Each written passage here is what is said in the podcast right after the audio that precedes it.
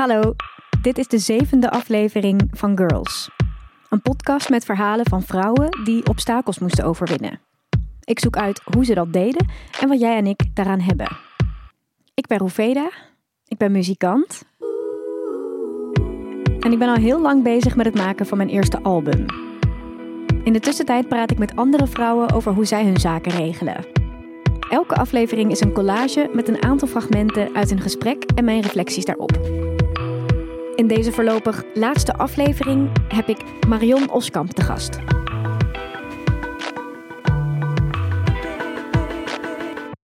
Marion is 62 jaar, doorgewinterde journalist en de NTR-podcastdokter. Ze maakt beginnende podcasters beter met tips en advies. Ze doet ook de eindredactie van mooie projecten, zoals de podcast De Brand in het Landhuis. En ze is betrokken bij de NTR Podcastprijs. Als er iemand is die goed kan reflecteren op zichzelf en op anderen, is het Marion wel. En daarom is ze een ideale laatste gast in deze eerste reeks. Het wordt namelijk een aflevering van terugblikken en vooruitkijken. Marion vertelt over de grootste fout die ze ooit beging en wat ze daarvan leerde. We blikken terug op deze serie en we kijken vooruit naar de toekomst. Het is de eerste opname die ik maak in het coronatijdperk. We spreken elkaar daarom via Skype. Dat ga je ook wel aan de kwaliteit van de audio merken. Die is wat anders dan je gewend bent. Ja, ik zit gewoon thuis, zoals bijna iedereen, hè. Nadat we uitgebreid de corona hebben besproken en elkaars boekenkast hebben geïnspecteerd, vraag ik Marion om haar commentaar op Girls. Ik ben een beginnende podcaster en ik wil hier graag beter in worden. Dus deze kans wilde ik niet aan me voorbij laten gaan. Het eerste advies luidt: Maak de link naar de luisteraar. Dat ben jij. Marion zegt dat ik jou vaker aan moet spreken. En het schijnt ook goed te zijn als ik je meer deelgenoot maak van mijn proces. En het maakt dat ik gewoon op het puntje van mijn stoel ga zitten van... ja, nee, verdomd, hoe zou ik dat dan vinden? Of hoe zou ik het aanpakken? Het is echt een driehoeksverhouding. In dit geval dus tussen jou, mij en Marion. Je, je zou bijvoorbeeld al een klein kijkje achter de schermen kunnen geven. Oké, ik zal je eerlijk vertellen hoe het gegaan is. Dit gesprek verliep absoluut niet van een leien dakje. Oh, Zo hebben we elkaar dus een aantal keer per ongeluk opgehangen. het wordt wel heel spannend zo, hè? raar hè? En Marion vergat om haar eigen apparatuur aan te zetten.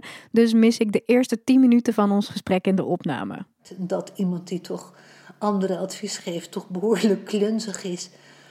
Als na tien minuten gesprek blijkt dat eh, de recorder aan die kant niet loopt. Weet je wel, zo even tong in cheek. Je hoeft mij niet helemaal af te serveren, maar hè, het kan gebeuren, maar toch. Het was, ondanks de gebrekkige verbinding, een vruchtbaar gesprek. Ze kwam ook met nuttige tips van podcasts die ze voorbeeldstellend vindt. Mocht je podcastaspiraties hebben en daar benieuwd naar zijn, ik zal die tips op een rijtje zetten in mijn nieuwe digitale huiskamer.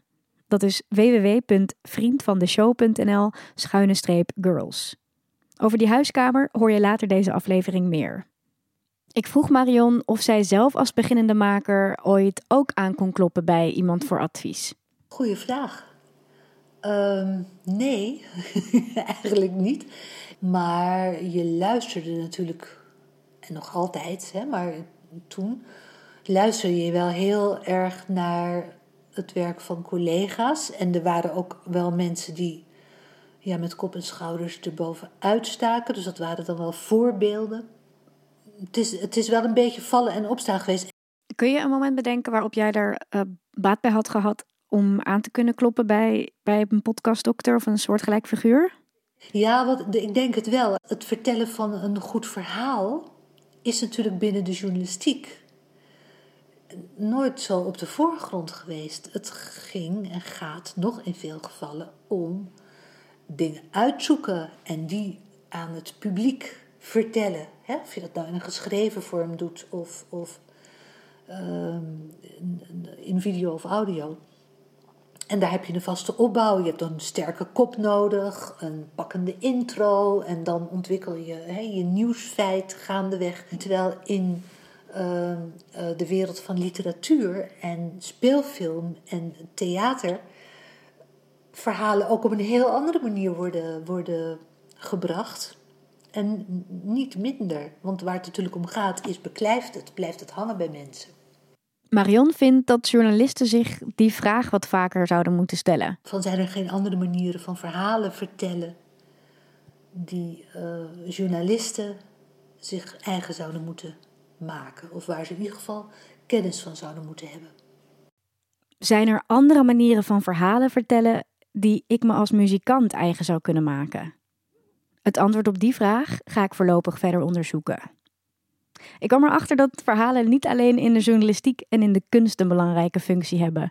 Ik kreeg aan het begin van dit seizoen een berichtje van een luisteraar, een jongerenwerker, die vertelde dat hij storytelling als middel gebruikt om sociale impact te maken. Hij schreef naar aanleiding van aflevering 1 met Mariam Slimani. Dat ging onder andere over opgroeien als Marokkaans meisje in Nederland. Wat voor rol spelen verhalen in jouw leven?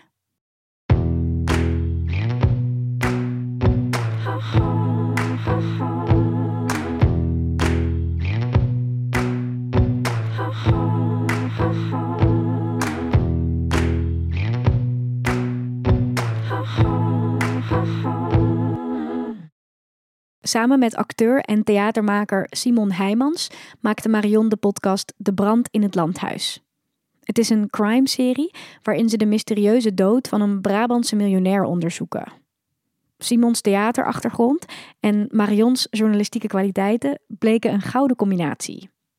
De podcast werd een half miljoen keer beluisterd. Dat zijn echt ongekende aantallen voor Nederlandse podcasts. Er wordt onderzoeksjournalistiek bedreven, maar Marion krijgt van collega-journalisten best wel wat kritiek. Nou, deze kritiek waar jij over aan refereert, dat was een podcast die heette Spotlicht. Spotlicht is een podcast over journalistiek waarin journalisten aan de tand worden gevoeld over hun werk. En de kern van die kritiek, voor zover ik me dat goed herinner, was uh, het journalistieke, het onderzoeksjournalistieke gehalte van de brand in het landhuis is beneden de maat. Je kan toch niet zeggen dat je dingen hebt aangetoond als je het op deze manier brengt. dat was eigenlijk de kern.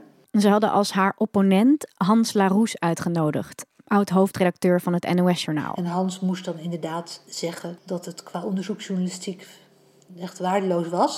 Maar dat zei hij dus helemaal niet. Dat was wel grappig. Die ging juist zeggen dat het een nieuwe vorm van uh, journalistiek bedrijven was. Die meer journalisten zouden moeten toepassen. Zo'n kritiek die helemaal niet over mijzelf gaat, die kan ik dan wel goed pareren. En ook omdat ik echt wel wist waar ik het over had. Begrijp je? Dus ik zat daar ook heel goed in. Je zou het me nu allemaal niet moeten vragen. Zou ik denken, oeh, hoe zat het ook weer? Maar toen wist ik het nog. Uh, dat vind ik iets anders dan als mensen echt op de vrouw gaan spelen. Dat vind ik minder leuk. En dan, vind ik, dan ben ik niet geneigd uh, de handschoenen op te pakken en een ruzie te gaan maken of een discussie. Maar dan moet ik wel even de tijd hebben om het weer uit mijn systeem te werken. Vaak krijg je, dus eigenlijk zit ik nu te denken, ja, vaak krijg je die kritiek ook niet, maar wordt er over iets of iemand gepraat? Of weet je wel? Ja, kritiek zou ook iets moeten zijn waar je iets aan hebt. Precies, en die dan ook recht in je gezicht wordt gezegd. Ja. Ik kan me voorstellen dat dat iets is wat in de journalistiek heel veel voorkomt, omdat je natuurlijk allemaal uh, output genereert en iedereen bekijkt elkaars output en iedereen houdt elkaar haarscherp in de gaten, want het is natuurlijk ook een competitieve omgeving. Uh, is dat iets waar je ook mee bezig bent terwijl je aan het maken bent? Ik niet meer. ik merk echt dat ik gewoon een, hele rustige, wat oudere. dat is echt zo, maar wel jarenlang wel hoor. je bent zo goed als je laatste product. Dat is ook echt zo. En zelfs als je een reputatie hebt en weer iets nieuws laat horen of zien, dan, dan uh, vinden mensen daar wat van en collega's ook. En er is natuurlijk ook altijd jaloezie. Dat is gewoon zo. Hè? Jaloezie de métier. Uh, Nee, dat leg ik nu echt naast me neer. En ik kan ook heel goed uh, begrijpen en ook honoreren dat uh, wat ik vind en, en zeg en kan en dus ook laat zien, uh, niet alles zaligmakend is. Het is ja, een, een, een, een hapje uit materie. Een andere leveren weer een ander hapje. Dus mensen die zich echt als podcastmaker willen scholen, doen er ook heel goed aan om uh, in, die, in dat jaren durende traject ook het, het commentaar en de feedback van anderen te horen. En, en je moet toch je eigen stem vinden. Stem, stem, stem, stem vinden. Je eigen stem vinden.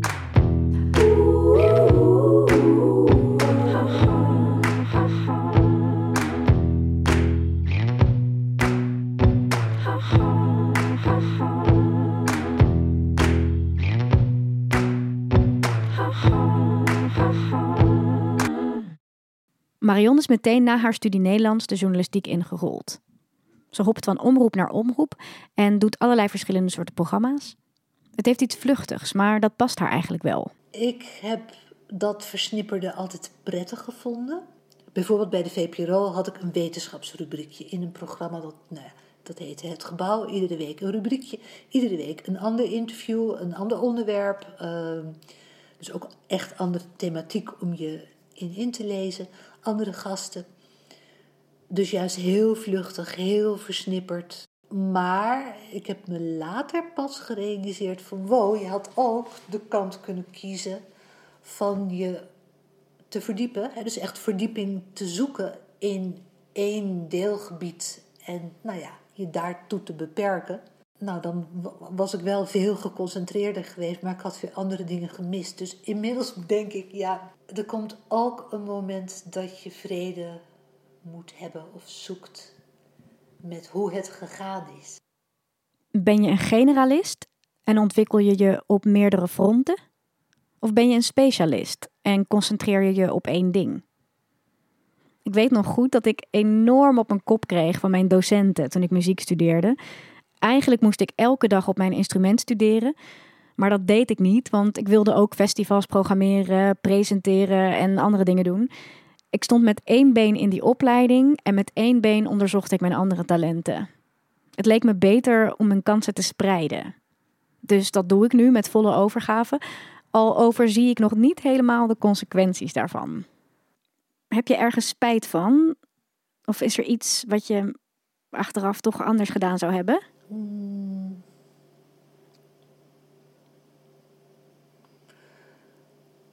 Nee, maar misschien dat ik nu zeg nee, omdat ik, ik ben natuurlijk toch echt al wat ouder dan jij. Ehm, dat ik dus nu zeg van nou, het is goed zoals het gegaan is. En. Uh, maar op welk moment had je dan een ander antwoord gegeven?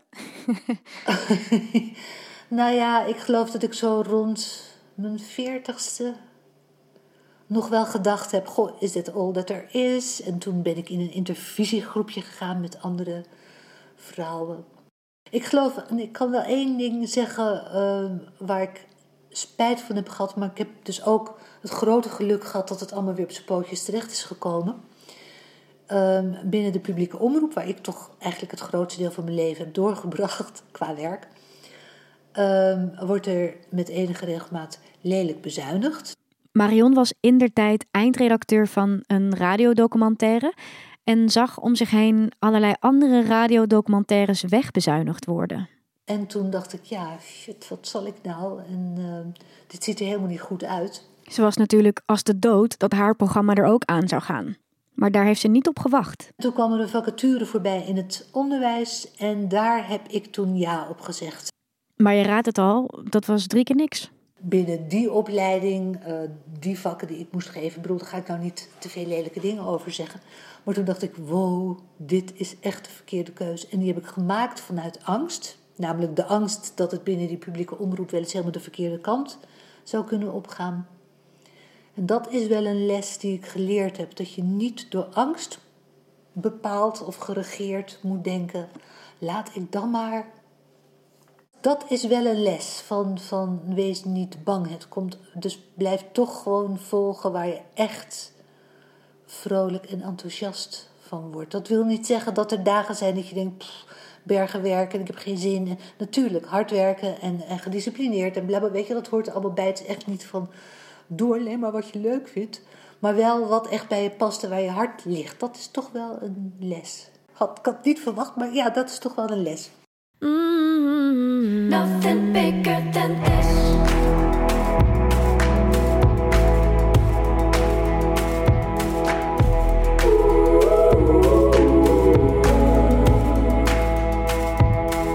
Loopt jouw opname eigenlijk nog? Ja, die nog.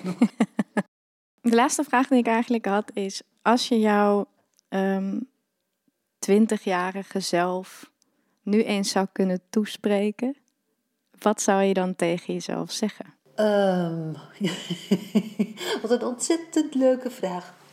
Zou trouwens ook een mooi uitgangspunt zijn hè, voor een serie. Dat dit gewoon de handvraag is. Wat zou ik tegen mijn 20-jarige zelf zeggen? Ja, ik zou tegen mijn 20-jarige zelf zeggen: wees wat minder ongeduldig, wat rustiger. Alles moest en zou ook meteen. En ik, nou ja, dat versnipperde waar we het eerder over hadden: van een beetje van dit en een beetje van dat. En oh, daar. Ik denk dat ik heel erg een FOMO-meisje was. dat woord bestond toen nog niet, maar ik, ja. En dat gold ook wel met, met vriendjes die ik had, weet je wel. Er was altijd wel weer een leuke vriendje. En nu zou ik gewoon zeggen, rustig, weet je wel. Doe het ermee. Het is eh, allemaal helemaal goed zoals het is. Dat zou ik zeggen. Neem de tijd. Neem de tijd. Het voelt, zeker in de muziek, soms alsof je je relevantie verliest als je stilvalt. Je terugtrekt en de tijd neemt. Maar dat ga ik wel doen, want ik ga nieuwe muziek maken. Misschien dat er voor de tweede serie van Girls wel een belangrijke rol weggelegd is in het vertellen van dat muzikale verhaal. Dat moet ik nog uitzoeken, maar ik heb nu in ieder geval een tas vol input om mee aan de slag te kunnen. Van alle vrouwen die voorbij zijn gekomen in dit eerste seizoen.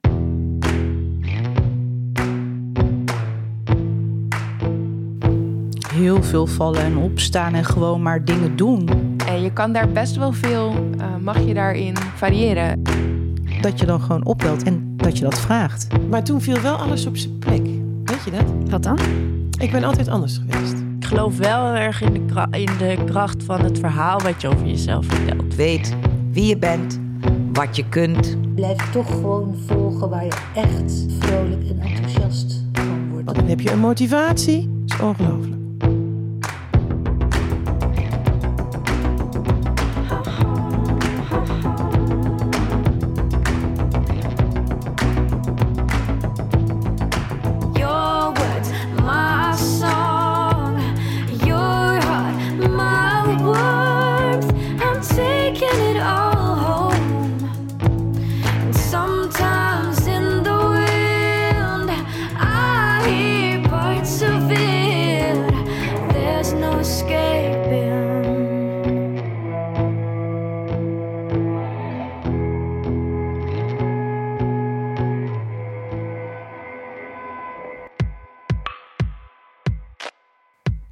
Erg bedankt, lieve luisteraar, voor het volgen van deze eerste reeks. Bedankt voor je reacties en voor het delen van de podcast met je vrienden. Mocht je nog niet van je hebben laten horen, weet dan dat ik heel nieuwsgierig ben naar wat jij uit de serie gehaald hebt. We kunnen erover napraten in die gloednieuwe huiskamer waar ik het eerder ook al even over had. Dat is www.vriendvandeshow.nl schuine streep girls. Daar kun je voice memo's en reacties achterlaten. En ook uitgebreidere show notes en tips terugvinden. En je kunt er ook geld geven als je de toekomst van de podcast mede mogelijk wil maken. Als je op de hoogte wil blijven van wat ik allemaal uitspook en waar ik bijvoorbeeld concerten speel, abonneer je dan op mijn nieuwsbrief via www.roeveda.nl. Zo krijg je ook toegang tot alle muziek uit de podcast. Shout-out aan Dag en Nacht Media, aan het Batavierhuis in Rotterdam voor het faciliteren van een lekker werkplekje. En aan Charlene van Kasteren voor het meeluisteren, je eindeloze geduld en het drogen van mijn tranen in momenten van totale wanhoop als ik het even niet meer wist in montage. En Jip, Ellen, Petra, Linda, Sammy, Nina, Annemarie, Andrea, Janneke en Ellen namens Dromendaad. Jullie zijn de allereerste vrienden van de show. Dat vind ik zo bijzonder. Dank jullie wel voor jullie donaties. Het was me genoegen. Tot de volgende.